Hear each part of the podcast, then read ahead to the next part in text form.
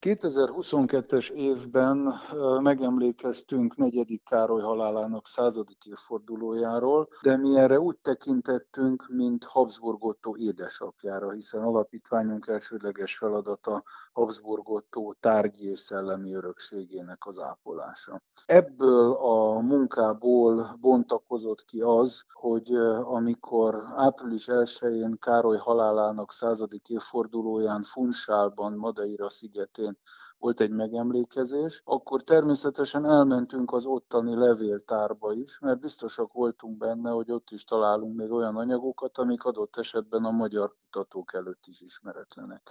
Így is lett, megismerkedtünk az ottani levéltáros munkatársakkal, akik akkor már beszámoltak arról, hogy ők júniusra terveznek ott egy kiállítást a náluk lévő dokumentumokból. Ezt kiegészítettük azzal, ami viszont csak nálunk van meg, tehát mind a kettő, mind a két fél számára hiánypótló volt az együttműködés. Így jött létre a madeirai kiállítás, és ennek a magyar változatát mutatjuk most be a Gödöllői királyi kastélyban, illetve azokat a dokumentumokat, amelyeket ott találtunk Madeirán. Nehéz elképzelni, de hogyan élt, hogyan élhetett egyáltalán egy száműzött? Egyértelműen élete befejező szakaszaként gondol ilyenkor erre, aki erre a sorsa jut, és onnét már hát politikai tevékenységet hát alig ha fejthet ki? Ugye nem véletlenül került ő Madeira szigetére, hiszen amikor a két tragikus, illetve hát részben sajnos azt kell mondani, hogy tragikomikus visszatérési kísérlet a budaörsi csatával, ugye súlyos kudarcot val, akkor a